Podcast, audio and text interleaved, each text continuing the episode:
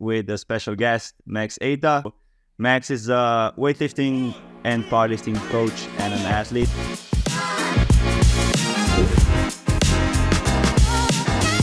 And so we dug the basement out by hand and were like five gallon buckets, and we would work for like 10 hours a day, 12 hours a day. Then I would go max out at night. Perfect training. And everyone just wants to glorify the simplest solution because it's so easy to buy in. It's so easy to sell it to somebody that like, no, you just you want to get better at snatching, just snatch.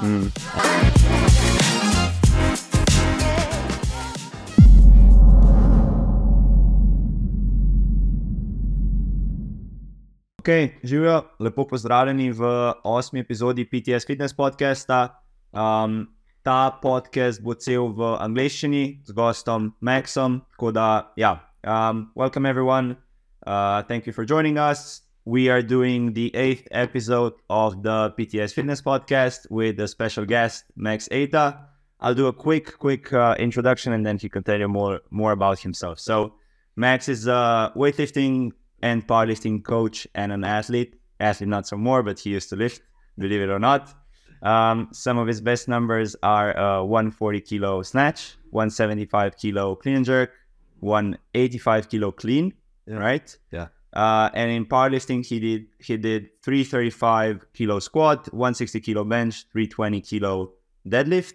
He's been coaching for more than a decade, and some of his biggest coaching accomplishments inclu- include American record record holders, Pan Am record record holders, world record holders in um, in powerlifting, as well as world champions in both powerlifting and weightlifting. And he has a lot of success with masters lifters. So I think I got at least some of your resume. Uh, Thank you for coming on, and you can tell us a bit more about yourself. Yeah, I won't correct anything if there's anything wrong, as long as it's uh, in my favor. Right, So that should be pretty good. No one knows. Yeah, that summarizes it pretty well. I think uh, I had a lot of experience training under some other coaches as well. Mhm. I spent time under Abajev, Bulgarian national coach. Right. Uh, you know, I mean, a dozen other top American coaches, Borshiko, powerlifting. So yeah, Oh. Which coach did you spend the most time under? uh, my first coach was Steve Goff. Okay. He was basically the American version of Abajev. Right. Yeah, he was a, an ex-marine, and I guess you're never an ex-marine. Once you're a marine, you're always a marine. Of course. So he was a marine, but he uh, he was like, if you've ever seen Rocky, which probably is a little old for some of the people listening, the original Rocky, his Yeah. coach Burgess Meredith, the actor, played him. Okay. This old gray-haired dude who was just like nasty and mean, and every single thing he said would get him.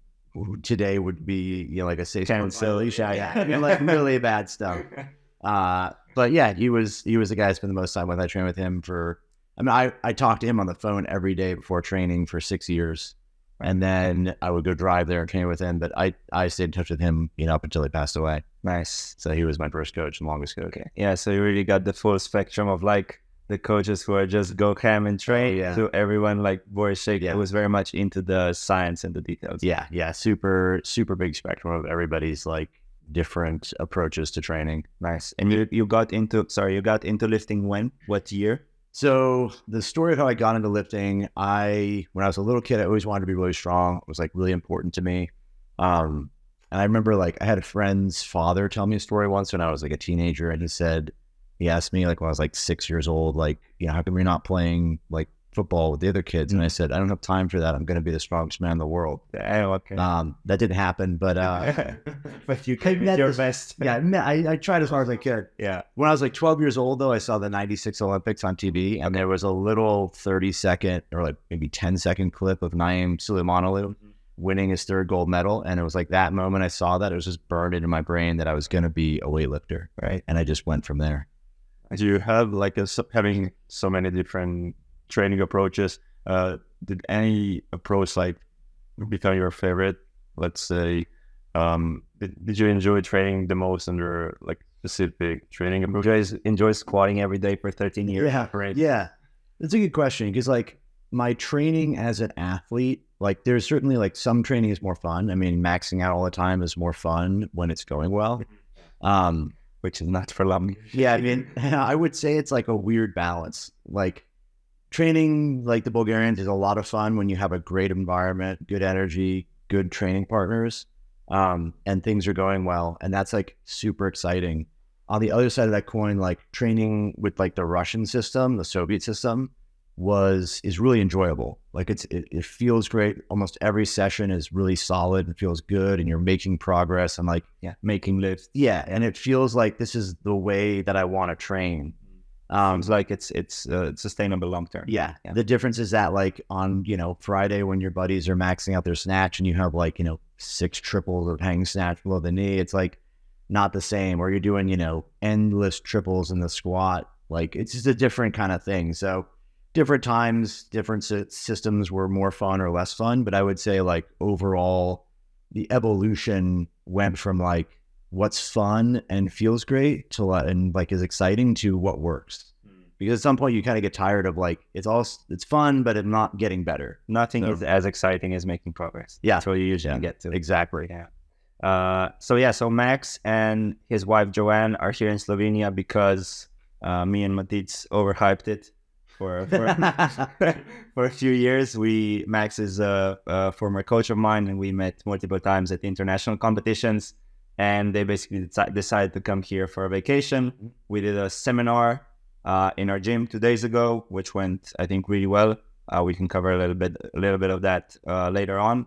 What do you generally think of of Slovenia? Uh, Do you like it? yeah I've been here for a few days. the place is great it's uh it's super pretty um If you say anything bad, we'll lose all the viewership on this. yeah no it's it's a great uh it's a great place wonderful people sans the the three folks at the table here i mean Mm-hmm. Mm-hmm. it's it's awesome i it's it's beyond my my expectation nice. you know, um, yesterday went to Lake Bled. Yeah. And uh, it was really cool. And like, not from the touristy aspect, it was just really pretty. Oh, Like you go, there's a castle, like it it's kind of what you think it's gonna be, but then when you actually get there and the experience is like better than you could Right. vote for. So that was cool. And just like the general vibe everywhere seems very friendly. It's a nice place. It's, you know, so far everything we've we've done has been great. The food's been really good too. Yeah, and the food wings. So that's been cool. What would you say the general like? Um, do most people like in America, even if you mention Slovenia, do they even know like where it is? I think a lot of people mistake it for Slovakia. Yeah. Yeah, that's very often, even in the international competitions. oh yeah, We've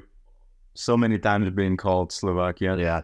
Um, and they announce it. You know, yeah, it's from Slovakia. Yeah. oh, yeah.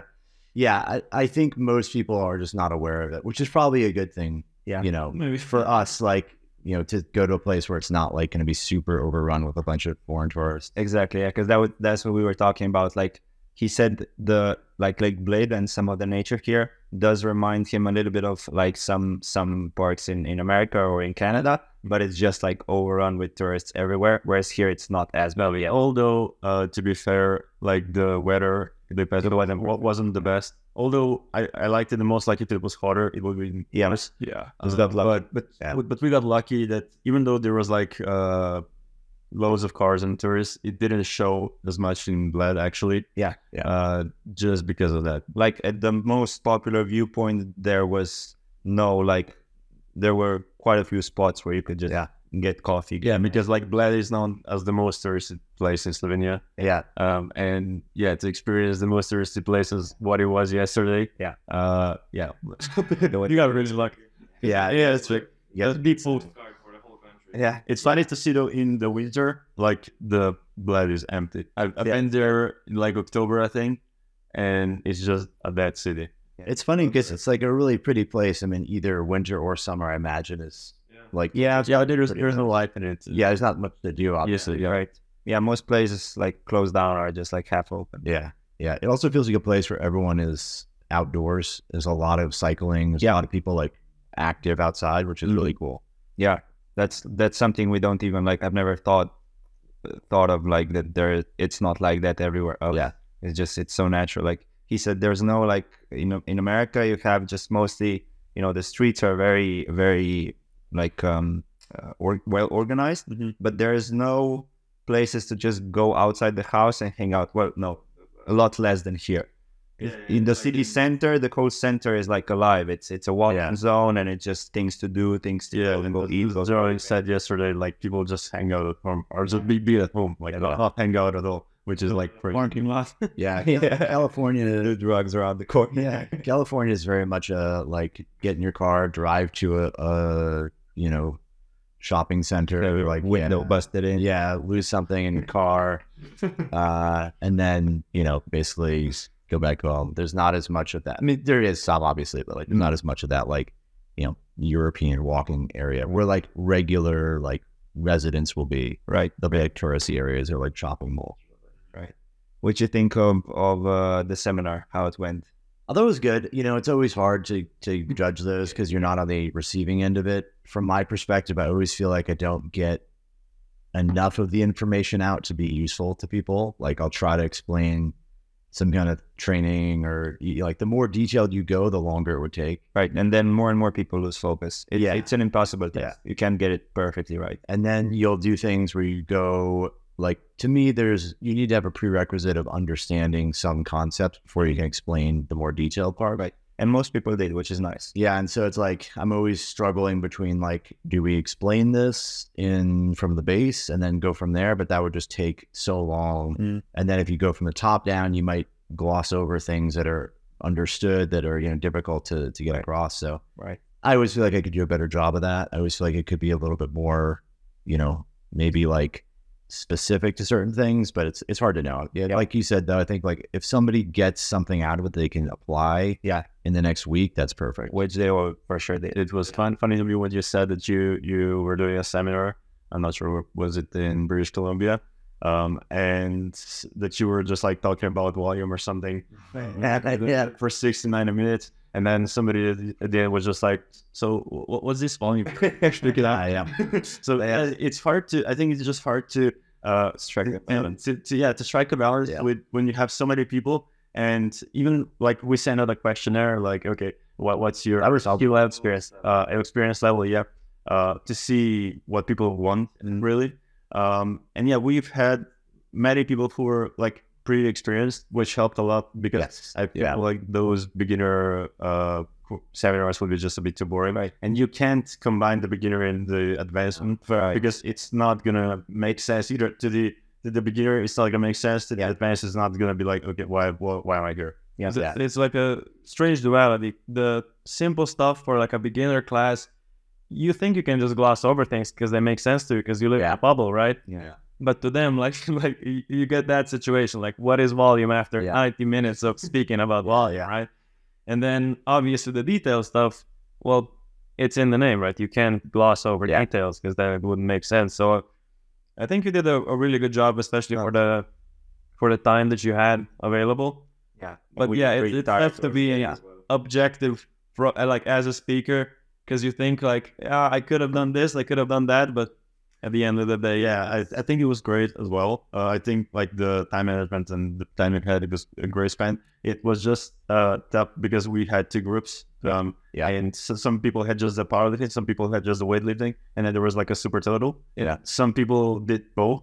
Um, and the ones who joined later on on the powerlifting, like they didn't hear everything from the weightlifting side, which I think would be useful for them as well. Right. yeah It's hard, but then you, you can, yeah, but you can just do two same, uh, same Like- seminars, lectures, yeah, um, and just kind of add something which is a bit like 20 minutes of specificity for the ways of your powerlifting. You have Yeah. to like keep the value up for the, the super level as well. Yeah. I think if I was gonna do I mean, I think my my my inclination now is to move towards breaking the educational stuff up into different categories. So like a beginner like learn how to lift kind of course that's like just focus on that.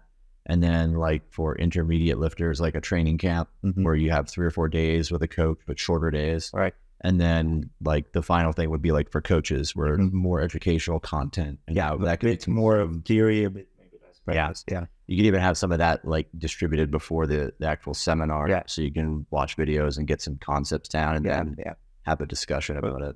like it's a whole project a whole different project Yeah. yeah, it's a total- But it, but it does make sense. It's just it's hard when in places like this where you can get like a hundred slots filled up. Yeah. you kind of have to bunch everything together. And like for us, this was the first like real real seminar we did. We did a lecture in the past, but this was like a first big one. And I thought it was great. I, I took a ton from it, uh, from from both the the theoretical lectures and the practical part a little bit. um, and the feedback we received was great as well. So I think yeah, and also I think we feel we managed to fill up like 25 ish slots, maybe just under that out of 40, which obviously we and and that turned out great because it was I think just the right amount. Yeah. And I also, like I said to you, I don't think there's been a, a bigger strength training seminar um, in Slovenia ever. Like when you we had- reach me next time, just put that uh, right. largest communication provider Yeah. in uh, strength training. That would go down well, yeah. Uh, so yeah, great experience. Really glad, really glad we got to do it. Nice. Um, okay, let's move on to a little bit of your background. I think that'd be really interested for, for interesting for people. That's kind of where where we know you from. We started watching you, even the the old cast strength videos, Oh, and then later on the the juggernaut. So if you don't mind, just kind of painting a picture of like like what the cast strength days were, who you Yeah. trained with, and kind of what the vibe was like. Cal Strength was interesting. So it started, uh, David Spitz started Cal Strength 2008 after he had brought Ivan Abajev to the U.S. to sort of prepare him for the Olympics. Okay, Uh, Abajev brought so if he wanted to compete himself, Yeah, Dave was trying to compete as a weightlifter in the Olympics.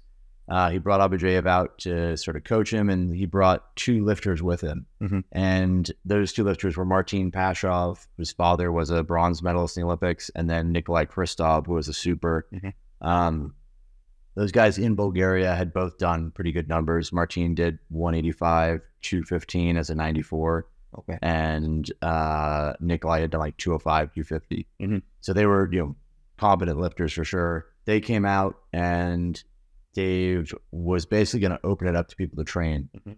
And uh, it's actually kind of a funny story because he he opened it up. They put a website up. They did all this stuff, and they got three emails of people that would wanted to come and do it and train with them. so that Um, was like a how long of a what were you signing up for? Like a half a year? You had to pay a thousand dollars a month to go there, train, or you could train as long as you wanted, as long as your money was good. Okay. Um, immediately after they had posted this, the IWF sent a, a memo out saying that anybody who trained with Abu J would be banned Oh, for, for life um, why? Why is that? because he was banned. He's been banned for he was banned for life after 2000. Why the entire so the Bulgarians have an interest, a sordid past with weightlifting. They were kicked out of the 1988 Olympics after a bunch of drug positives. Okay. They came back. I believe they were they were kicked out again in 2000. They may have been kicked out another time, maybe 96. Okay. Um, but just, yeah, just prolific drug positive. Yeah. It, it- in my understanding, it was much more of a personal vendetta between Ion and Opportunity. Yeah, because the reality was everyone Yeah. was dope. The reality is everyone's getting caught. You know, it's like who was who was paying. So to preface this, for those that don't understand, like the Bulgarian, like sort of a legend in weightlifting, they were there was an era where the Bulgarians were like dominant over everybody, and it was going to culminate at the 98, 1988 Olympics where Abajev had basically planned. This is from him. He told us this that he had planned to win every medal. He knew he was going to win. Uh, Naim was a Turkish lifter, but he would have counted that in his mind as a Bulgarian. Right. Uh, and he was basically thinking he was going to try to win every gold medal in, Okay. in all the classes. That he tells a story that they came to him and said, "You can get three. If you get three, that's fine, but don't try to do all of them. Right. If you do, you're done." That was the IWF leadership. Yeah, yeah. And so they basically like he went and you know started this. They were like, "Fuck, this isn't going to happen." So they just you know they got him. Uh, he would tell stories about like the Russians having like a secret you know naval ship offshore where they were doing their testing. There was a whole bunch of crazy stories like this, like stories about like you know the Russians coming to him and be like, "Hey, you know we're killing our athletes, giving them all too many drugs. Like let's stop." And he's like, "Okay." And so they like they stop, and then like you know the next meet, like David Riggert sets a world record, and he's oh fuck this. So but just uh, the Yeah. how much of this is true or not, or just stories or embellished, you know, it's impossible to know. But basically, his thing was like they were going to win, they were going to do all this. They had this sorted past, so basically, he's been kicked out so many times that he was banned, and Ion was like, anyone who trains with him is banned. The three people that I was told that emailed were myself that communicated. Maybe there was more, but the how do three- you find find out? uh, one of my coaches was friends with one of the guys who was helping Dave. Okay. And so he communicated, hey, can you let this kid in? He's been Okay. training like this. He would he would train hard. Um, the other was a Canadian woman Okay. who went on to do really well. She didn't go though. Okay. Uh, and then the third was supposedly Ilya Ilin. And Okay. he wanted to come. His coach and We wanted to come from Kazakhstan. yeah, his coach Enver Turkalaria was like a huge disciple of Abajev. And so like the whole thing, but that didn't end up happening, obviously. Oh damn, too bad. Maybe Yeah. could have been a real good weightlifter. Yeah. and, you know, this is what I was told. So, you know, always take this with a grain of salt. Yeah, it's true or not. But yeah, so I went there and it was just me. Just And I, I ended up working to make money to, to go there. I ended up like renovating a basement. So in, in my hometown, there was, you know, a friend of mine who was working on some guy's basement. It was a you know, six foot tall basement. And normally you want like eight feet tall to have Yeah. more livable space. Um, and so we dug the basement out by hand and with, like five gallon buckets and we would work for like 10 hours a day 12 hours a day then i would go max out at night The perfect training environment. it was actually less training than i was doing before though so it was like i was tired i wasn't lifting well but Yeah. you know i was able to do it Right.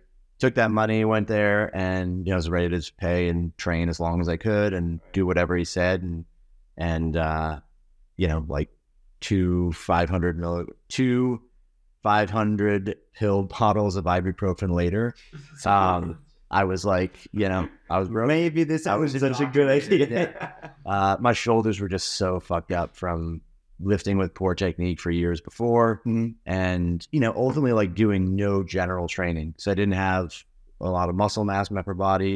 Mhm. My legs were super strong. My back was not as strong as it should have been, and it just made my technique rough. You know, I was fast but not powerful, Mhm. and so like speed with no power is kind of useless. You know, I was strong in the wrong areas. All right, so yeah, Can you tell the the conversation you you had with with Abajev about why his system was not yeah, performing in the US? yeah. I mean, we sat. That's a really sad story. I was expecting it to be funny, but No, I They talked to all him. said. I talked to him many times. You know, just he and I. I, I was really curious. I'd asked him a lot of questions about old lifters Mhm. 'cause he, he he he responded well to that. He liked hearing about that because I knew all the lifters. Mhm. Um, and I would ask him who did what numbers and all this. But you know, one day after training, I was sitting in there in the morning with him, and uh, everybody was like just broken. Like nobody was doing anything, and I was. He was like, he looked at me. He's like, I don't know why I'm here. Like I don't like. What am I doing? Like my system doesn't work without pills. And there's, you know, showing me. I was like, well, okay, that's. uh I guess that makes sense. Like that answers that question.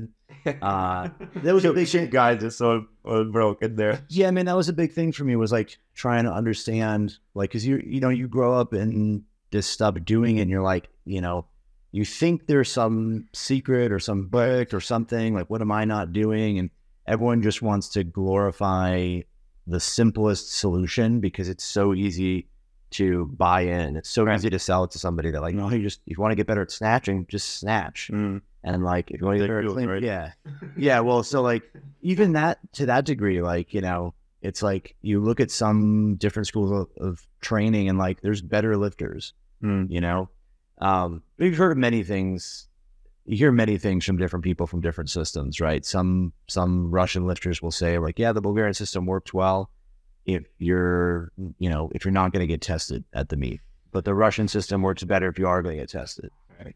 It's like it's like a different world, right? Those guys just live in a different world. At the time, they did. yeah, yeah, yeah. Yeah, it's changed a lot since then. Yeah, it's very different now. Okay, so that lasted for a few months. That was yeah, probably over maybe like six to eight months or something like that. Six Okay. months, and then I left. I went back home, and then Dave started Cal Strength, and he was like, "Hey, you know, can you come out and, and help me?" And uh, yeah, I went out there, and, and I was kind of coaching and helping. I, we had no idea what to do. Right. We know what we were doing. Where'd you did you just get the lifters off the street or where'd you get I mean, it was mostly going to be like training for like youth athletes and Okay. that stuff. trying to build up? Yeah. And, you know, to Dave's credit, like he didn't understand, he didn't know what he was doing. And he was like paying three full time weightlifters to coach. And with like that thigh was really- yeah, so, well, it was just stupid. Like, that- like they're not bringing anyone in the door. Yeah. He hustled a lot.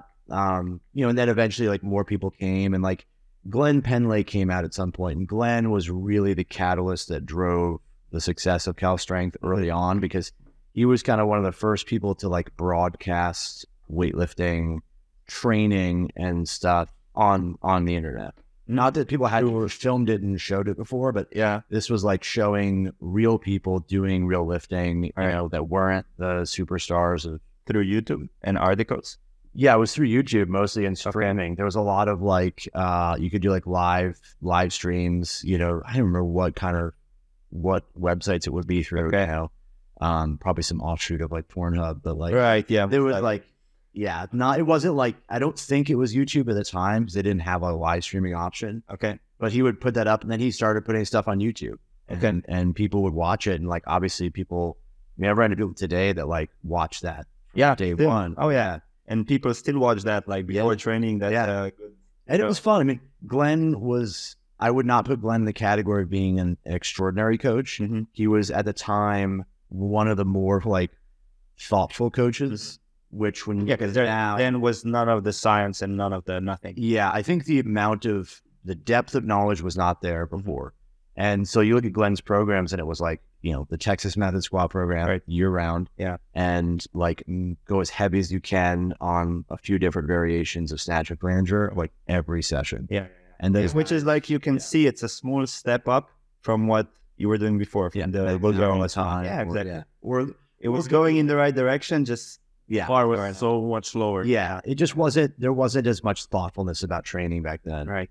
Um, and so, yeah, I was like, that drove a whole, a whole bunch of, but I was in there in the mix. I actually, I, never actually got coached by Glenn. Mhm. Um, I had hurt my wrist. You know, I jammed my wrist and, and dislocated my lunate bone. Right. And was unable to do any more snatching or clean and jerking. So I just started squatting. And I was like, well, this is what I know. So I'll just squat all the time. Abujayev, at one point, I tweaked my elbow during one session. So he just had me squat eight times a day. And so I was like, well, you know, and I went my my front how do you class. survive that? Like how do you Yeah, I mean, like it's explode? this is the thing that's funny, right? Like people think of those programs as being like really hard to survive. Yeah. You would get chewed up much, much faster with volume. With volume. Like yeah. I never had a soft tissue injury until I started training with a bunch of volume. Right. I did powerlifting. Yeah, because it's like you, you get you go in there, you work up to a top single, and then you go home. Yeah. no volume, no accessories. a day. Yeah, I would squat eight times a day with Aubergere. Even with golf, I would squat. So golf was insane. Golf would have us come in and like it was like, oh, let's train, let's train morning and night. Okay. So we'd go kind of light in the morning, heavy at night. And then his nature was just to like, if it looks good, let's push it and go heavier.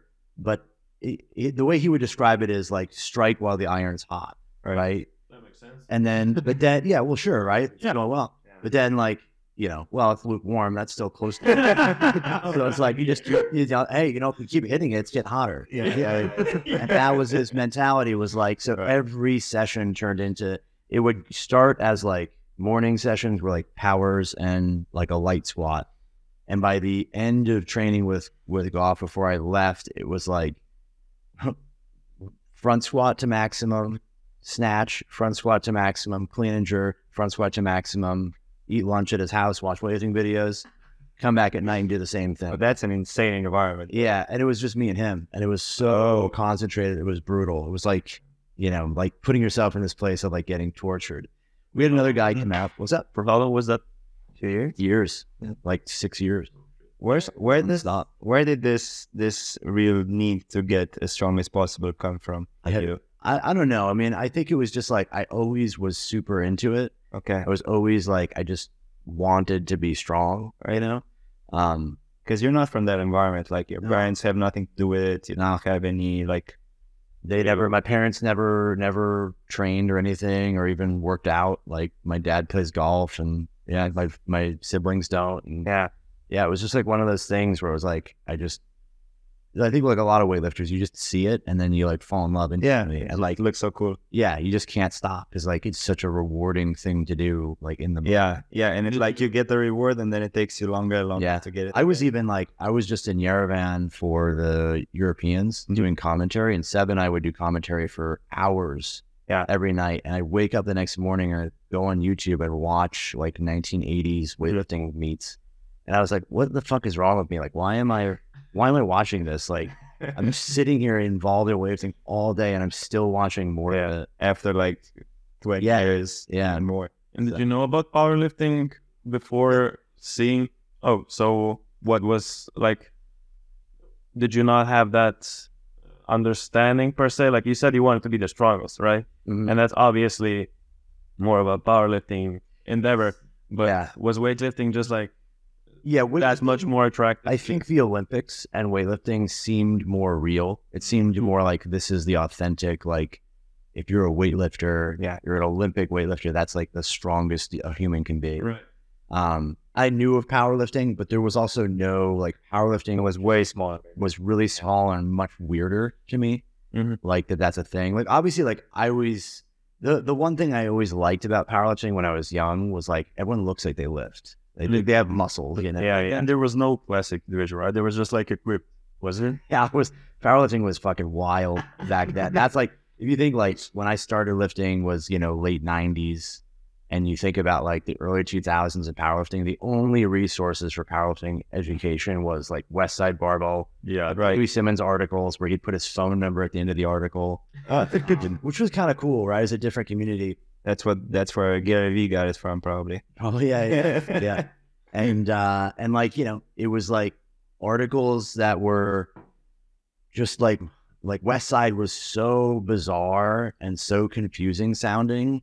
And like everybody would write about it and talk about it and be like, well, that's not really West Side or you don't know what West Side like- like oh it's like, you know, it's transmogrification of the, you know, the radial uh nerve syndrome and you're like, what? It's like, oh, we use band tension. But, like everything was so confusing and weird that like, well, this must be this guy Of must course, be a he genius. must know something the, the other Yeah. don't. He says it's just math and physics. He's obviously someone who knows that is really smart. right? kind of like the Bulgarian system, but for powerlifting, Yeah. Right. Like, especially on the internet. It's like, oh, it's but it's not really West Side. Yeah, The yeah, yeah. True West Side, you have to be injured and train under Yeah, Louis. yeah, you've got to be there, right? The Yeah. Bulgarian thing was the same. They would say like, you know, uh, there was a Finnish girl who did it with Abed, who, who did the Bulgarian system when they came there, and it was uh, Lundahl, I think was her name, but she would talk about the same things. Like you just hear this bullshit where it's like, oh, you, you have to, you like keep doing it and going through, and you'll have adaptation. Yeah. You'll get adaptation. Yeah, yeah, yeah. for it. It's like, what does that mean? Like, it's not a thing you're defining. Like, and you never do. Like, you never get to this thing that people are talking about. Yeah, it's just the magical day you wake up and your snatch goes up by 20. Yeah, yeah, and like, oh, now, okay, now I've my Yeah, yeah, right yeah. now. Although you did say when you started training with that group of lifters, Mhm. you PR'd your power snatch by like 15 kilos. yeah, but that was totally an environmental environment, right? Like, I my I don't remember what it was, but I think my power snatch was 115 kilos.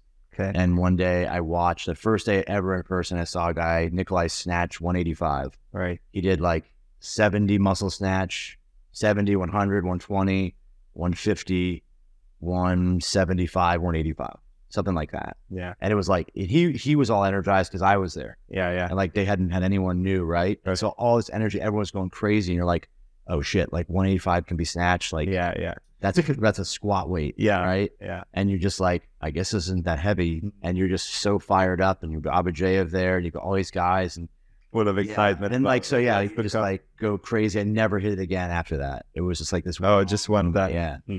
Um, but yeah, it was just like a totally a totally wild kind of environment would would produce that kind of stuff. Right, right. That's wild. and you feel that instantly whe- when you go, let's say, on vacation into a new gym. Yeah. like it's a different energy. Mm-hmm. Mhm. Like I, I can see for myself. Like I, we can go to a CrossFit box, Yeah, and obviously there's like, well, obviously, generally speaking, there's no great weightlifters there, right? But it, it's just obvious. So many. it's lost about nine of but it's just so many people actually weightlifting that it's like it, it's it's a different energy. Yeah. Because a lot of times here uh, in our local club, I don't know, like I train alone or I train with like some powerlifters or like one with other weightlifter. For people you're very used to. Also, yeah, with the same group of people, and it just kind of. Uh, yeah, it, it kind of loses that that energy when you walk into the gym. yeah. It's not a system. It's a great it's a great method. Like to go in and get a bunch of energy and go to a new place and like Yeah. if you're gonna have a really very acute, yeah. but it's, yeah. yeah, if you're gonna have a good, really heavy training day, it's a great idea to like go somewhere new so the energy is high and and do well there and make the most of it. But like you just can't rely on that, and that's what Glenn was doing for a long time. Like even Dave, like you know, uh, Max Out Friday, like was every fucking week. Still around to this day. Yeah, people still do, it. it's like it's kind of a, more of a meme now, but like Yeah. it's a it was like that's just not the thing that drives progress. Like, Yeah. Yeah. lifting heavier weights does isn't the thing that makes you stronger. You Yeah, get yeah. stronger than you lift heavier weights, right? Exactly. Yeah. So so they brought Abajayo out because Yes. he wanted to make the Olympics. How'd Mhm. that go? It didn't. Didn't It didn't. That didn't happen. Uh, yeah, that was a, a wild, a wild uh, sort of time. But he, he he wasn't in shape. He, his shoulder was all messed up. His wrist was messed up. He couldn't train. Um, and then ultimately, like, yeah, the the series of events that that led up to him not getting there was was comical for sure. But right? yeah, that's a long that's a Man, long story. Interesting. Like pre-training videos though. Yeah, he Dave got fat. There was a fat, there was a fat Dave moment. He even would say I that. I just seen I've seen one picture. yeah, he was huge and he was very very soft. Yeah, yeah. I even remember him like uh, telling about the moment he decided to to you know lose some weight. Yeah. it was because I think some girls at the bar like wouldn't believe him that he's a, a weightlifter. Yeah, whether you're an athlete, right? yeah, athlete of any kind. It's the Yeah. Nerudanov syndrome. is what Yeah, it's called. yeah.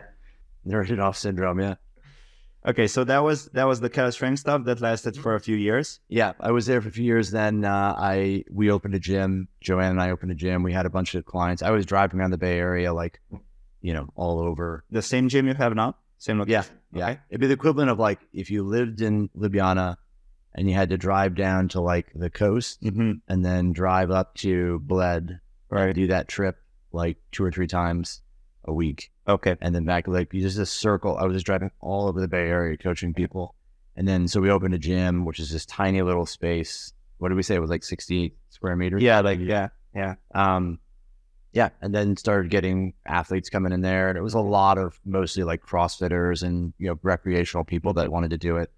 I was doing powerlifting at the time. I was training. I was training with like Jesse Burdick and Mhm. and like the Mark Bell crew sometimes. And then I eventually started working with Boris Sheko and and just training on my own again. Right. And that was you know that was pretty awesome back then. That was a, a wild time for for powerlifting too. yeah. That's when everything was kind of exploding on in- internet as well. That was at the times of like the T Nation articles and the Elite FTS, right? Yeah, I did a 705 squat at a meet, and it was like you know raw. They had, they had wraps, but uh, the guy who wrapped my knee, Jesse wrapped my knees, but like, like they were so loose. Yeah. like it was the weirdest thing. Like I was like, I'm supposed to help, and like they were so thick that you couldn't get them tight. Right. It's like, oh, these are stronger because they're thicker. yeah. like it was just like, and it was like, okay, so like I did this Just squat. more stuff behind it. Yeah, and it was kind of like okay, whatever. Uh, but then like shortly after that, Dan Green started squatting like you know high sevens with sleeves, and then everybody just like everybody came out of the woodwork. Yeah, yeah. That's it's usually like that. Like one guy comes out, does something people think is impossible, and then lots of people follow. I think it was kind of Stan Stan efforting Effort in the first yeah, one to do like huge raw lifts. yeah, yeah, yeah. Um, you know, suspectly suspectly executed lifts, but yeah, that was crazy. It was there was just so many people like getting into the sport and like, but it was like at the time that was all there was. It Right. was like oh the like Mark Bell's having a meet, so like we'll just go do that meet. yeah, yeah, yeah. And then the USAPL was in existence, obviously, but like there was way more like an East Coast and South thing. It was very little of it in the in California. Okay. So you know it was kind of like whatever, we'll just do these. And I never took it. You always do what's around. yeah, I never took it serious enough to like pursue it. I wish I had. I wish I had gone and tried to do like a USAPL Nationals or do other things, but it just didn't make sense to like because I always saw it as like this is the thing I can do because I can't do what I want to do. Right. So that was you got into powerlifting due to the wrist injury. Yeah. Which was so bad you Yeah, I couldn't snatch. you still can't really Yeah. trust that injury. Yeah. Okay. Yeah, that's interesting. So how did that so you're I think you're most well known for like the stuff you put out during the juggernaut days. Probably. So how did that kind of go about? Yes, I mean Chad would always be at meets, right? So he was always like, you know, you'd see him there, and then like he he was funny because like I would know him from powerlifting meets, but then he'd go to weightlifting meets to like push you know juggernaut stuff, Mhm. and uh, we would be the only ones he'd know. So Oh, right. um, we'd chat with each other and hang out. Right, right. Um, and he had actually worked with a friend of mine, a guy I lived with, this guy named James Smith, Okay. who would we probably known very little by most people, but his he had like a screen name on Elite FTS called the Thinker, and he was he was very smart. He was a, a brilliant guy, and uh, I lived with him for a few years, or maybe for a year or something. Um, you know, somewhere in the middle of all this, Right. Uh, and uh, so yeah, we had this like mutual acquaintance. Mhm. But then you know, at some point, like our gym was kind of getting to this point where everything was just like I was in the gym all day, every day, trying to co-coach. And Yeah. you take on every client that comes in, and like you just can't build a business. out You of that. see, it's a real you. You Yeah. hit the ceiling soon. yeah. you hit the ceiling and then you're stuck in a place where you can't expand beyond that. And Chad had just started this gym in SoCal, which is, you know, six and a half hour drive from from us, Okay. where he had kind of gotten screwed by his friend, you know, who didn't come through with some stuff. And so he needed someone to run it. Mm-hmm. Mhm. He was gonna shut it down. He wanted to shut it down. Um, you know, and in hindsight, he probably should have shut it down. But I I came down there uh, and we started working together and and uh, that was like the beginning of like you know it was a great time it was like 2016 Yeah, and that was the the gym I have in my mind. The Probably, nice yeah. one. yeah the huge huge one. yeah so you, Right. and uh, That was crazy. Those were some a lot of awesome times. yeah a lot of really good things converged at one time like Southern California had a huge hugely popular lifting community it was like everybody was was doing powerlifting or weightlifting and there was a lot of people in SoCal you had people moving from success in YouTube to fitness. Mhm. And so you had like, you know, Bart Kwan and Barbell Brigade. Right. That was big. In 2016, the USA, the USOC shut down the Olympic Training Center for Olympic weightlifting. Mhm. So a whole slew of Olympic caliber athletes were shuttled to private coaches. Okay. And then Oh, that's Instagram interesting. had started to take off. Fitness started to take off on Instagram. Right. It was really like a perfect storm of like Yeah. a bunch of these factors all coming together. And then Chad and I were putting out a ton of content. Yeah. And what, Yeah. and it was better than most of the stuff you could find online at that time. Yeah, So yeah. It's did still we great have- information. Yeah. Yeah. It's like, you know, I think it set the foundation. I think Chad really set the the standard and foundation for what great content, like Yeah. the quality of content that comes out. Yeah. Because it could have kept going as like the same old shit with like West Side. Yeah. Whereas like I don't I think Chad probably inspired a lot of people to like be invested in like good information and Right. maybe pursue degrees and then come back and become coaches. Yeah. Uh, you know, Mike Isratel as well was huge in that, but like it was Right. a huge group of people that came off of that and yeah, the success that he had. Yeah, that's what influenced influenced us a lot. Yeah. the first program I've ever written was for Nate, Mhm. and it was off of I think uh, a YouTube series that Jad made, Yeah. like how to write. Uh, Yeah. just uh, uh, I think it was a blog. Really nice blog. He was doing like hypertrophy sign. Yeah, it was exactly. He still does does a lot of that, but yeah, that was first time I've heard that. It was that, and then 3DMJ. Yeah. were- were also putting out a a bunch Yeah. of my stuff. I think a lot of people just kind of copied and and you know piggybacked on that. Yeah, like to become you know, and- which is good because it, it flooded the community with a lot better knowledge. Right, and everyone has like different. Okay, so Yeah. uh, I've got a- just a question. When did you start to maybe start uh, critically critically thinking about the programming stuff of training, uh, like having been under so many different uh, training approaches? When was the time that you were like, okay, that's not working as as well as it should. That's not the way to go. That maybe is not the best way either. Like, when were you okay? Let, let's see what's actually like scientifically best way. Was it uh, start working with uh, Chad or No, so the time was it prior to that? so the I was always I read all of the like translated Russian textbook stuff that Bud Charniga would translate. Okay. Um, The Medvedev. yeah, Yeah. Medvedev stuff, all the yearbooks. I was always reading that. I would read every kind of training book I could, even when I was training with my first coach. Okay. so I knew it wasn't probably the best way to train. Yeah, but you also didn't know enough to do it. Well, but I also knew like what's more important is that I believe in what I'm doing and I commit to it. And like I saw the value in him as a coach, Right. and you know, That's very cool. But so I was always kind of like, okay, I got to do this stuff. I got to learn. I had Mm-hmm. read that stuff so many times. The the things that really like once I started working with Sheko, like he was nice in that like I could ask him questions, and so I learned a bit more there. Um, and that that made a big difference in like seeing how that was applied, like seeing the application of the systems. yeah, that was really useful for me when when I was training Yeah. under you. Yeah, We had like weekly calls, and not only did I see the stuff you were putting out, but I could ask questions on it and apply it to what I was doing with my athletes. yeah. that's really helpful. The biggest change, though, I think the biggest like sort of keystone for me was reading Mike Mike Isocel's book. Chad co-authored it, but like the scientific principles of training, Right. Mhm. Suddenly gives you the foundation to understand all the other books, everything else, because people will write all kinds of books about. I mean, like the, you ever seen the book Super Training? Yeah. Like it's so useless. Yeah. Like, you just, like never buy it. It's just not worth it. It's it sounds cool. and It's people very love hard to read as well. yeah, people like to talk about it like it's this amazing thing, but like it's not valuable in the sense that like you're gonna read that book and learn how to coach an athlete. Right. Yeah. It's Uh, not principles. It's yeah. very- Yeah, Yeah. it's details of like this and this, Yeah. that, and it's like it's kind of neat, but like that principle book really gave me a foundation to like understand what I was reading when I look at programming and like the lens to say, oh, I understand why this comes out the way it does. Yeah. when you read like the Russian text, you're reading statistical information in a lot of cases. yeah, which is useful, but it's very, very black and white. Like Yeah. it's either this volume or it's not okay. right. That was the major difference for me as well. Like that was uh, the scientific principles, like their book. That was the big turning point for me. Like because I got curious once I started like uh, weightlifting in 215 to 16. I got curious on why I'm actually doing this and why it's working, right? But like like you said, everyone was channeling all the information from from NVIDIA, but it's like you're telling me to read this book. I open it and I don't have Yeah. any clue what I'm looking at, you know? Because yeah, it's it's like research. It's it's very much um, not easy to understand language. Yeah. You know, all What- these terms that you don't really know about.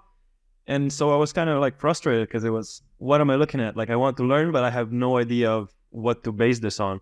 So that Yeah. that along with the YouTube videos from from your time at Juggernaut Yeah. as the foundation. I think the the the scientific principles of strength training and Eric Helms' books. The- Yeah. The, the pyramids. Yeah. Training pyramid, nutrition nutrition pyramid. Mhm. That gives you like a really, really good base. to Yeah. then Be able to at least critically critically think about what you're consuming on top of that. Yeah. So, so to, to answer your question, Nate, it's like a lot of it was like early on, I was always aware of it, but I would say like I became much more, much more aware. And then the other catalyst that pushed me beyond just getting a better understanding, um, and thinking critically was was professionally coaching people. As soon as I opened my gym, it became very obvious that you have to like you'll lose clients and you won't have a good business if you don't have success. Yeah. And so like as soon as you start charging people to to train them, like you quickly realize that like you got to do a better job and like it's also like like your program has to work and it has to be sustainable so you have to think way more critically about what you're giving somebody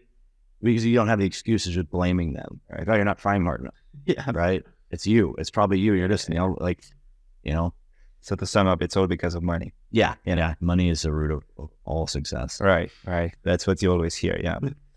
Uh, okay, that's very interesting. That's it's really cool to hear some of the background of that stuff because we've just seen it from afar for so long, Yeah. but now we kind of get a, a look i- into it. Where do you see the powerlifting and the weightlifting like landscape going the fu- in the future? That's Uh, an interesting question. So I think the weightlifting, the weightlifting landscape is funny because like it still has this like big overhang of the Olympics. Mhm. If the Olympics are gone, what happens to weightlifting? Yeah. like we assume that most countries that have a state-sponsored program will die. Yeah. the real thing is that Western European countries will lose. They'll, they'll just kill the programs right away because Oh yeah, they're completely funded by the IOC. yeah. So, So, like- even to to explain that a bit further, like weightlifting in a lot of countries that are really successful is not like, especially for the powerlifters listening, it's very different. It's Yeah. actually government funded, and there's a, a lot of money if you are going to the Olympics, if you get a medal. Whereas in powerlifting, it's completely different. Yeah. So with with weightlifting falling off the Olympics, all that money is gone. Meaning no Chinese, no Yeah. Kazakhstan, no Iran, none of that. Yeah. So I think that would happen. I don't know if that's going to happen. My sense is that we're not going to be kicked out of the Olympics, that Right. will will remain. Right. Um, I think it'll probably change in the future. Um, obviously, today was like the day they, they were, you know, Brian Oliver released that whole uh, thing about, you know, the, the IOC or the IWF looking to like change the rules. And Yeah. so, like, yeah, I think where the thing will mutate a little bit, it always has. We, you know, we did a podcast years, maybe six months ago, uh, on the history of weightlifting, and like it was wild. Like, Yeah. like if if you imagine from like the early 1900s to 1972, there was three lifts. Yeah. you could have done a 20 year weightlifting career in the sport, and it was always three lifts for you. Imagine in powerlifting just getting rid of like the bench press. Yeah. Yeah. well, powerlifting also went through weird mutations at the beginning. Like I was telling you guys, like, um, you know, t- talking to old school powerlifters that had done it like back in the 60s, like they said that like the they used to do shit where like you'd start the squat at the bottom. Mhm. So you get into a power rack and the bar was set at your depth and you just try to stand up from there. Um, and just like odd, odd lifts, the curl was kind of integrated to it initially. And just like it was, it started from this weird collection of lifts and Yeah. yeah. to what it is. So I think weightlifting will be interesting to see what happens. I hope that it becomes more friendly to the like media side of things and becomes much more of a a, a sport that's a spectator sport. Right. I think it's kind of been uh, you know occluded from that because Yes. they're just not good people knowing how to make it. Yeah. And I Yeah. think that's the whole idea. Like uh, also with the recent uh, category changes, right? They got rid of a lot of categories. Was for the sole purpose of shortening it out. uh, shorting it up. Right. You know, it gets easier to But it's still like Yeah. powerlifting and weightlifting for non for people not in the sport, it's still very hard to watch. Like it's not interesting. yeah. Yeah. It's not. But powerlifting doesn't have that that pressure on it. You know, I to think- be so interesting because it it's not in the Olympics. Yeah, but it's trying. not so where it's toward. I- it is, but there's not so much money to lose there. Yeah, but there was the game. There is the game, but that's a, that's different motivation. Yeah. I think powerlifting will never be in the Olympics. That's a, a, a dream they need to give up. It's pointless too. They don't need it. Yeah. I think I think weightlifting and powerlifting are inherently as exciting as you make them. I think every sport is fundamentally excruciatingly boring. Yeah. Right? If you think about it, like what makes golf exciting? Like it's not watching somebody swing a golf club. Or watching Tiger and Yeah. doing what like what he's doing, the way he's approaching it, or like it's exciting when someone is incredibly dominant. Yeah, it's the it's the spe- it's the people, right? And so the more that those governing bodies can focus on the people, I mean, look at social media. That's the thing that's driving most of the success of both of these sports, Right. Because you follow somebody you enjoy, you Yeah, like. yeah. weightlifting is kind of suffering right now because there's no superstars, right? Lasha is the one for sure, but he's on his way out, and like He's also not posting on Instagram and doing yeah, well, he's also not doing the big numbers. I mean, he's, he's there, he's winning, but like he's not doing where's the 500 total or Yeah, and I think like when you try to to make it in- interesting for people who are not in the sport, it's tough because you don't have somebody going head to head in the moment. yeah, Like you do an attempt, and like wh- when you put in an attempt selection, like you kind of know where people are gonna play, so you're only interested in let's say top three, maybe top five. Yeah. uh, but you're just not gonna be interested by the like the bottom ten or fifteen people. Yeah. competing. right. Um, and even let's say it's uh, the the sports usually in the Olympics are a bit more boring. Maybe it's not like uh, okay playing soccer, basketball, like I would Yeah, like. Um, and even if you got like uh, track track and field, like you still got people like in the moment competing one against each other. Whereas this, okay, he's gonna take an attempt. He's gonna take an attempt. And even like in track and field, you you might know okay they're gonna be top three, but are they gonna be battling against second? You're gonna be just in the Relatable as well. Like- Expenses are like much more stretched out across. Uh, yeah, a long longer time and period. especially having so many categories, having so many superstars or whatever, you're just gonna be there for that one person you're liking, or maybe okay, the battle between the two giants or What, whatever. they- what you said made, made a lot of sense. Like it, it is the media. It it's the lack of superstars. It's the lack of personality. I think because there's no Yeah. Like you look at racing. and Racing is like a really good example, right? You have pre and post game interviews. There's a lot of personality. You get to know your favorite, your least favorite. Like you you know all these drivers, right? You don't know anyone uh, of the way of Yeah. the weightlifting side, right? You know only the flashy ones. So that's either because their demeanor is is flashy, like let's say I don't know, like Ilya is a good example, right? He was a really like a showman, right? Training like a showman, competing like a showman, or you get someone like like Lasha, that's all right, more stoic, more calm, but lifts these incredible weights. Yeah, yeah. I think maybe um, what in powerlifting King of the Lifts is doing, like uh, post meet interviews and stuff like that, is going in the right the right direction. So, uh, but I think now may- maybe it should. Yeah, it, I think with time, I think it should just go um, more into including that in the in the meet game itself. So it's right after the meet, you're going to do an interview live on the stream or on the TV. Uh, so it's not okay. You now have to go to Spotify. Now I have to watch it there on YouTube, whatever. Yeah, Right. one of the things too I've learned having done the commentary now for weightlifting with Weightlifting House is that, um, so like a lot of weight, a lot of athletes are not super interesting. Okay, they, because they're just because they're athletes. They're not like yeah. TV personalities. The coaches are are extraordinary, They're like they're totally they're totally batshit crazy in a lot of cases. Right. They're just unique people, right? To be like a weightlifting or powerlifting coach. Yeah. And so like part of the process is about finding the personalities and then creating the the excitement around people, right? So it's not so much about like showing the grueling training of X, Y, and Z athlete, but showing like how excited the people around them are to, to see them do well. But again, it's like if you look at like the UFC, like the UFC was weird and it was very strange. Obviously, like when it first started, it was just this bizarre thing. Yeah. They did so well in creating, I mean, creating Like, this so- interest around the people in it. Yeah. And then you start to like catch on and, and like, okay, this guy's going to do this and that. You might not even ever have fought one day in your life, but you can get behind it and it's exciting. Yeah. And it's not even the the fight that's exciting. It's that you, I'm you getting hate hit. this guy and you want him to get his face smashed in, you know, and then like he's doing well and you're like more angry. Right. Like there's so much Watch even more. Yeah. It's like everything. We were watching F1 the other day, right? Yeah. Like it's the same thing. Like you could watch it and have no idea the rules. Right. But the commentary is what drives most sports. And I didn't realize that as much until I had done it. Yeah. And like actually start to watch other competitions and listen to the commentary. And you realize like like so for those lis- people that don't know, like the Ma- Matthias Steiner 2008 gold medal. Yeah. If you watch that completely silent, it's just kind of like, oh man, that guy's way happy he won. He like Yeah. cries. Right. If you watch it with a good commentary, Yeah. like the British commentary, you're like, Yeah. this is the most incredible event in sporting history, right? Yeah. And it's like, it's just a guy doing a clean and jerk. Yeah. it means because they can give you the backstory and Right. get your emotions involved.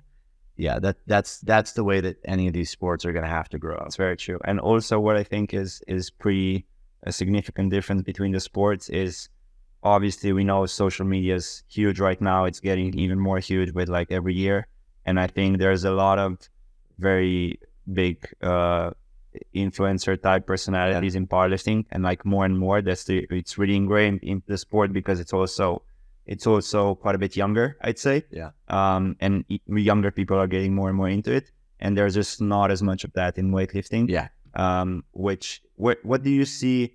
Do you see powerlifting getting? I'm not even sure what's what it is right now in comparison, but do you see powerlifting taking off more than weightlifting in in in the next let's say five to ten years? Yeah, I think powerlifting is is probably already bigger than weightlifting. Mm-hmm. by the number of people that do like, you know, the number of people that actually compete in squat, bench, and deadlift. In like the USAPL is smaller than USA Weightlifting Mm-hmm. by membership count, Okay. but the number of people that are doing powerlifting in some form is probably great, quite Yeah. bigger. Yeah. Um, if you include CrossFit, then weightlifting is probably still bigger, right? Because the people that snatch a flandrick, Mm-hmm. many people are doing that. Yeah. Um, but I would say that powerlifting will probably surpass the other, you know, weightlifting for sure because it's just so accessible Mhm. and it it it's like a means to an end, Mhm. but can also be the means in and of itself. Like you Right. can do it as or the end in and of itself. You can do it for the you know aesthetic qualities. Yeah. like you know who doesn't want to like be more jacked? And, Exactly. You know, power is a great way to do that. Yeah. It's so easy to learn. There's no barrier to entry, basically. Yeah. You know, as long as you can do the movements, which is pretty much most everyone, Yeah. then you can you know you can benefit. So I think it will get way bigger. what I was thinking, like, um, and this, I don't know if this makes sense, but it, it, it kind of popped into my mind, like when I was watching it, like looking at powerlifting and the the way it's going, is that maybe getting thrown out of the Olympics wasn't such a bad thing to happen for weightlifting, because sure, in the initial drop will be will be huge, but like you said, athletes aren't really interesting, like generally speaking, right? And I think that's if you watch, let's say, I don't think that's true for every nation. Sure. Like you see, I don't know, uh, Russia, you see Korea, let's say, these real superstars, you know, real great teams with government run programs, they they're more like soldiers soldiers than uh athletes Yeah. per se. Right. So you just come to the meet, you do your thing, you listen to your coach, you stand up, you sit down, you lift, you go. But you see, let's say Great Britain is a great example, right? It's it it's less support. Yeah. You know, it's less it's it's more on the lifter to to be engaged you know, to to get the funds, to get the sponsorships, more to, ways. to get itself out there so you actually get a chance to compete so you actually get a chance to train and then from that you get more personalities and i feel like that's that's why powerlifting has taken off so much because there's so many of these personalities because you don't get superstars that are that are built from a system that way the the only superstars that exist with with the lack of a system are the ones that are really really passionate Yeah.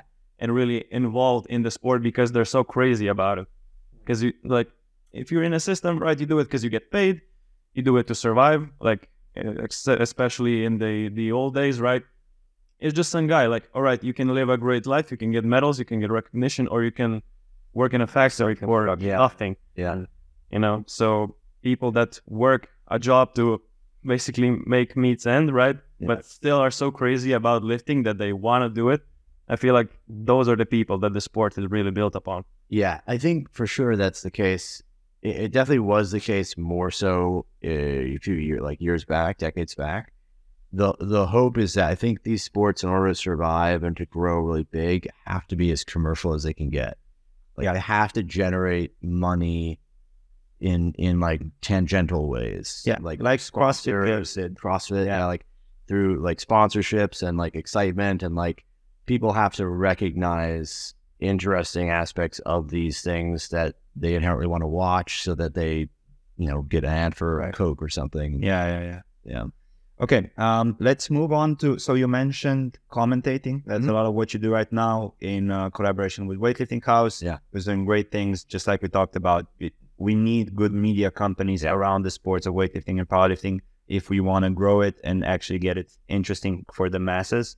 So, so commenting, you're pretty much doing that on what every worlds and Europeans. Yeah, we we, we were gonna do the Continental Championships and the Worlds, and then we skipped Asians this year and the Grand Prix, uh, just because they were not really worth attending like, Okay. as far as a financial. Yeah. commitment. it's very hard. Yeah, yeah. you have to buy the rights and then also. You get it by the rights. It's hard to sell it. It's like it's a tough business because like those guys are buying the rights like weeks before, so they had no time to promote it, Mm-hmm. Right. and like it just becomes a challenge. So Okay. we stuck to Euros and Worlds this year.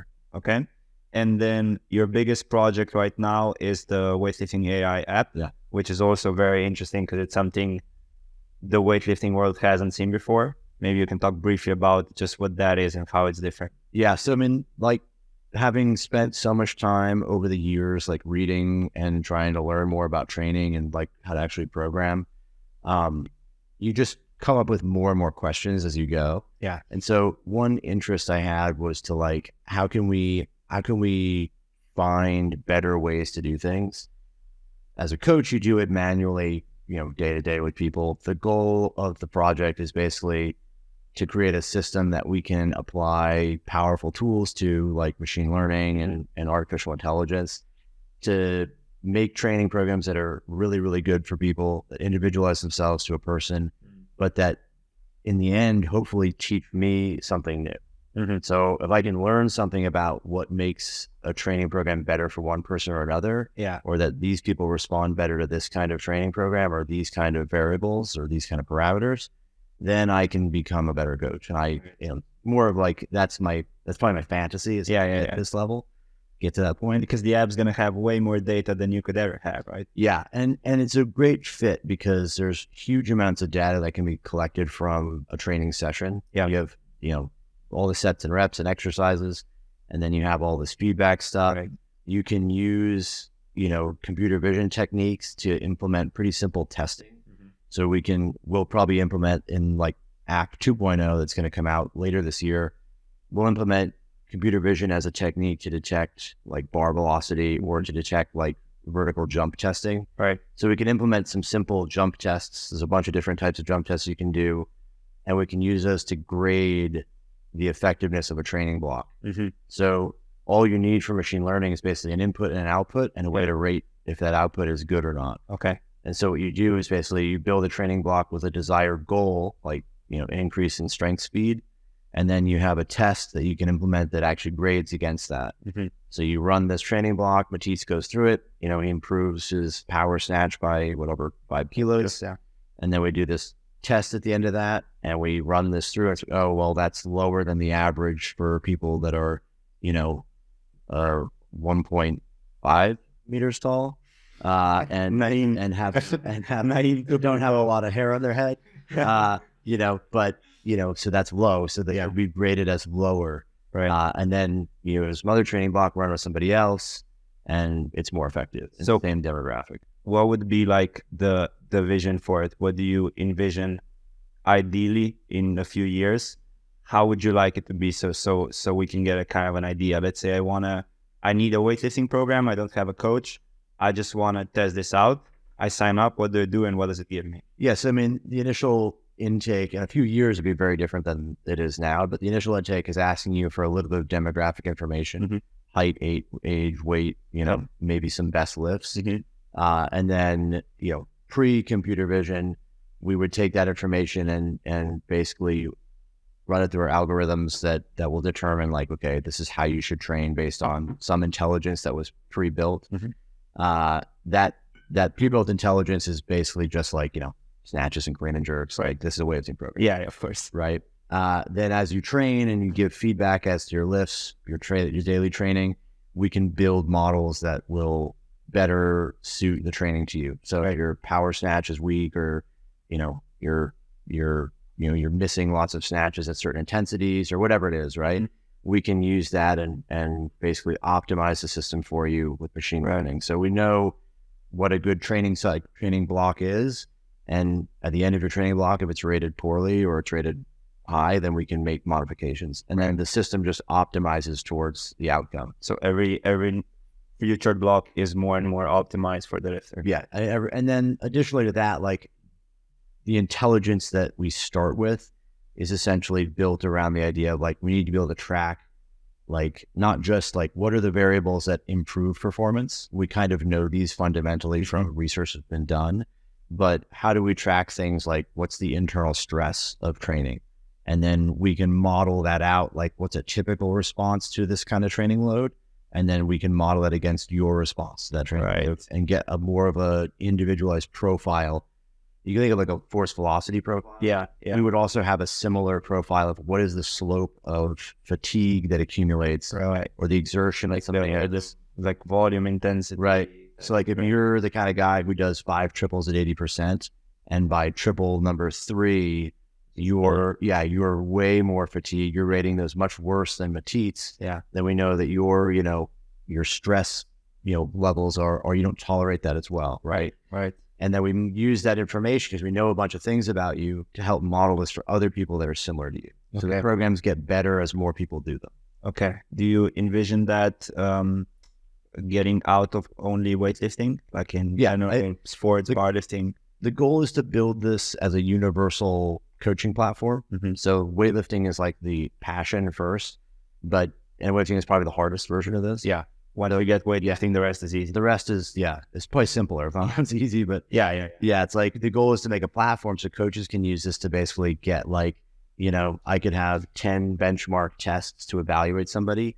When I was coaching, it was always, I'm mean, coaching now, but like when I coach, it's always frustrating to not be able to like objectively say that qualitative things are getting better. right. So like if Matisse is snatching, but he hasn't made like any PRs significantly or for whatever reason, like, you know, is he getting faster? Is Yeah. he getting stronger? Is he more powerful than he was? Yeah. Without just constantly throwing the same test at him, which is can you lift more weight on the bar? Yeah, yeah, Uh, we need to have a machine that we can implement benchmark and tests with that you can implement in training easily that aren't invasive, Right. but allow us to gather good data so you can say like, well, what is like an individualized RPE scale, right? yeah. We should be able to We like do that. kind of manual Yeah. sometimes, but it'd be really cool to do it. Yeah, Nate showed me like you guys do more than most coaches, where you might have multiple types of RPE tables based on you know somebody's uh somebody's rating relative to what the typical is. Yeah. but the goal will be able to do that in a way that's very easy, so Mhm. you can give it to every athlete, so Right. everybody gets gets the same level of quality training programs, and a coach can come in who's not necessarily super experienced and be delivering good program quality yeah. or have the tools to do so Mm-hmm. Right. right now all the platforms that exist are just kind of very glorified messaging systems. Yeah. Right. Some of them give you like pre-made templates, but That's not coaching. That's Right. just, you know, this is the goal is like, here's tools you can implement your tests and, and do this with. and it's awesome timing as well with all the progress in AI, machine learning, Yeah. machine learning, Yeah. and everything. Yeah. That's gonna be really cool to see. It's cool to be around those guys, the guys that have working for me and the, to like see how fast, like you think like, it's funny. You think some things move quickly, but like the AI community and like the developers in AI that's super open source. Yeah. So everybody builds things off of models that are open source. I mean, you know, Meta just released like a whole bunch of new models Mhm. that were like wildly powerful tools Yeah. that are open source. And like, you know, like you can build stuff on top of these things that are like just crazy. And that's like the advantage of like where you're from, the Silicon Valley. Yeah. Yeah. Is like you're around that stuff, and there is just an insane amount of talent working on those things all the time. Yeah. It's different than in Slovenia for sure. Yeah, here it's like there's people everywhere there that are like, you know, do this or that with some huge tech company. yeah, yeah, And they're all the it's a cool community too because they're very enthusiastic. Right. Th- These people really enjoy what they do and they're Yeah. passionate and like because it's Like- a huge thing, right? It, yeah. it's a great shift in our time. Yeah. What's also neat too because you have just people that are like willing to try an interesting project. Yeah. Like this is a, you know, this is a very niche thing and kind of funky. But like, oh, that's like it sounds like a cool idea. Like you're trying to do this this thing, you know, cobble together these Yeah. five things together to make a thing, product. Here, people are much more like stuck in their ways. Yeah. not everyone, but a lot more. Yeah, I'm just kind of hoping that once stuff you figure out in America comes to Europe, we don't get excluded from Central Europe, essentially. Yeah, yeah, yeah. I'll release it everywhere but Slovenia. right. That happens way too Keep often. this place pure. That's like we, s- we, s- we still don't have Instagram music, you know? Instagram music, had Yeah, yeah, but that's, that's because of the laws. copyright. Yeah, Right. Okay. we have to have a really wild disclaimer, uh, uh, or whatever it's called, uh, terms and condition for Europe. It's it's Yeah, but yeah. collecting data on people is very different. It's not even just Europe. It's like uh, w- when you go to any other country, there, there is Instagram music, just like this. kid, Yeah. uh, For instance, like I'm, I can't imagine. I mean, I can't think of a country where it's not available either. Hmm. Yeah, we, we get it in Europe and everywhere we travel. Yeah. Absolutely. Just not just not. a bad thing. I mean, maybe it's by, Keeps this by place design. cool. Yeah, right. uh, okay, I think we should kind of start. We've been going for quite some time. We have some rapid fire questions for you. Yeah. So let's do that, okay? Um, what's your favorite lift? uh, my favorite lift to do or to watch. You can do both. Both. It's probably my favorite lift to watch is the Queen Jerk. Okay. Yeah. Yeah, because it's competitions I really Yeah. want to love. Right. Yeah. I'm gonna make it. Yeah. Yeah. To, to do my favorite lift to do was the front squat. Okay. Yeah. You sick. I was good at it. Yeah, that's yeah. yeah, You unpopular opinion to ever is spoken here. do you enjoy coaching more or competing? I enjoy coaching more. Okay. Yeah. Coaching is a lot of fun because you get more of the rush as a coach than you do as an athlete. Yeah, yeah. Every lift is, you know, and it's also you get to see your work. Your Right. Thing. And And you get it much more often. Yeah. Whereas an athlete, you have to really build up for a long uh, time. you get five athletes in a weekend. It's- Right, right. Uh, what makes a champion athlete? Uh, Your parents. no, no, no. Uh, just the training. I mean, great. The combination of multiple things: great coaching, great training, great genetics. Right. Great. I mean, it's all willpower too. Okay. Do you see them? Do you see most most of the people you you that find a lot of success in lifting have similar personality traits as well? No, No. There are a lot of very different types of persons. Um, Maybe what's I I know you've been around lots of potential, like generates potential and people who are just generally strong. Do you see like a common theme of people not reaching that potential? Oh yeah, I would say the cliche of super talented people not reaching their potential is is true. Right. Like extremely talented people I've seen that just didn't do anything. Yeah. And then you see the opposite. People that have like like very little talent, like or maybe on the surface, Get very but had the right mentality would go super far. okay. yeah, like Jean, smash him. Yeah, I think it was interesting. Like Like a wild animal. Yeah. I think it was interesting when you were talking about the uh, the environment part where you just PR'd and never hit it again afterwards. I think that's so huge. Um, and often people just don't. I mean, many people just never get to experience the the Yeah. environment where you're Yeah. literally just hyped up um, and just get to to like the, to get the adrenaline pumping. Yeah. It's because it's a special feeling. Yeah. Okay, what makes uh, what makes a good coach? Uh, I think what makes a good coach is somebody who has the right mixture of self doubt in in what they're doing. Okay. and a combination of that with like a little bit of, um, like needing to prove people wrong, like needing to beat A people. little bit of ego. Yeah, you got to have enough ego, but enough self doubt at the same time that you become like driven to do better, but always think there's something better you can do. Okay. An AK forty seven helps. Yeah, I think and a, Dober, a Doberman. um, favorite uh, competition you've ever coached at? Man, that's a tough one. Um, you know, I say a lot of times my favorite was coaching one of my athletes to win the Pan Ams, which is definitely up there. It's kind of a combination of that and coaching my wife to break the all-time world record right. powerlifting. That was just really special because it was like the first thing we did. Like Yeah, it was like totally wild time, and like things were just so new to us, and it was like, shit, we just did that. yeah, yeah. That must be amazing. Yeah. Uh, and the last one, all time. Let's go weightlifting first. All time favorite weightlifting athlete. that I've worked with or that I just my all time favorite weightlifting athlete? Uh, it could probably is probably gonna be Naim. Naim. Okay. Yeah. What about in powerlifting? Uh, or I would say it was a cross. It's, it's a tie. Probably Eddie Ed Cohen Eiko. or or yeah. I mean that's a tough one. Ed Cohen's probably the probably the one. Okay, that's interesting because I don't think I've ever seen a competition of Eiko. Yeah, Yeah, I mean we're two here. We're There it's so it's yeah, it'd be so old. I, mean, I would say like because a lot of it was like you you know I mean know Eddie, so it's like Yeah. no yeah the guy is kind of adds to it you Yeah, yeah. know? Um, but there's some wild like there was uh Andre Believ years ago was just an amazing lifter to watch. Yeah. Like is a kind of lifter you watch that like you get sucked into like you watch that and it makes you want to do it Right. and that's a unique Those those lifters grow the sport. yeah Because there's like there's a select few. Yeah. Yeah. I mean, you know, probably one of the most fun lifters that I would say that like one of like the most underrated but like awesome strength athletes is Misha. Right. Toklayev. Like he just was so like charismatic and was so good at so many things. Yeah. And uh and he was really awesome to meet. Like yeah. he yeah. knew- Well, as well, he was in Ljubljana. yeah. And like we talked, he knew I was injured and he was like, you know, he pulled me aside and he was like, you know, like I know this. I'm gonna take yeah. your wife. Yeah, yeah, yeah. But he was like, I know you got hurt, and like that same thing happened to me. That like when I missed the Olympics, Mhm. but like you should be proud of all the things you did before that. Like no one can take that from you, which I thought was cool because like you know What he doesn't have to do that. you have to say that. Yeah, he knew about the the zero to six hundred squat, the zero to two seventy squat I did. Oh yeah, yeah, yeah. He, he knew that I had done it before him. So Ah, nice. Yeah. Okay. Yeah, yeah, yeah. I got one up on him.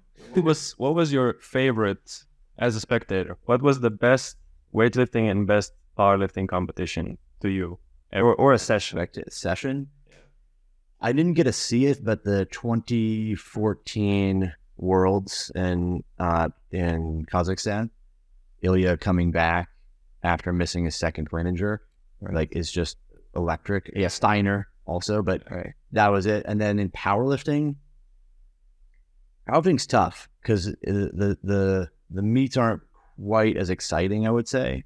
Yeah. Uh, It's- I think we're getting to the more exciting. ones. Yeah, it's kind of happening more now, but uh, like one of the ones that stands out is kind of watching Dan Green come on the scene, like probably the backyard meet of the century, like Right. one of those old school ones where it was just like Yeah. wild. The, the warm up room there was insane, so that was kind of interesting. Okay, very cool. Um, so in terms of what you do now, we kind of went over it. Where can people find you? What Yeah, what things do you want to drive them to? yeah, if you are interested in remote coaching, you can contact us through teammate.com or you can, you know, message me on Instagram. Uh, if you're interested in the app, you know, we're pushing a huge, a huge update, hopefully this week. Uh, and my developers are always telling me there's another thing that's broken, but, uh, yeah, but that, that should come out this week, which is going to be awesome. So they're going to put a bunch of different like program focuses you can choose. So now you have the ability to sort of like piece together or build a longer training cycle that's like, you know, focus on your technique, then have competition prep, Nice, um, some bodybuilding type programming with weightlifting and some squat only programming. nice. Um, so yeah, weightlifting.ai, that's the place to check out that. And then, you know, if you have any questions or want to consult or something, you can always reach out. Right. Awesome. Thank you for coming on. Yeah. We appreciate it. Thanks for Our having me. first uh, international guest, hopefully first of many. Yeah. Um, if you like this podcast, thank you if you stuck around for this long. If you're on YouTube, please subscribe. Uh, we put it also on Spotify and Apple Apple Podcasts, so you can you can follow us there. Rate and reviews go a long way. Um, you can find us at on Instagram, TikTok, Phoenix underscore training underscore systems. And that's it from us for today. Thank you for joining, and we'll see you next time.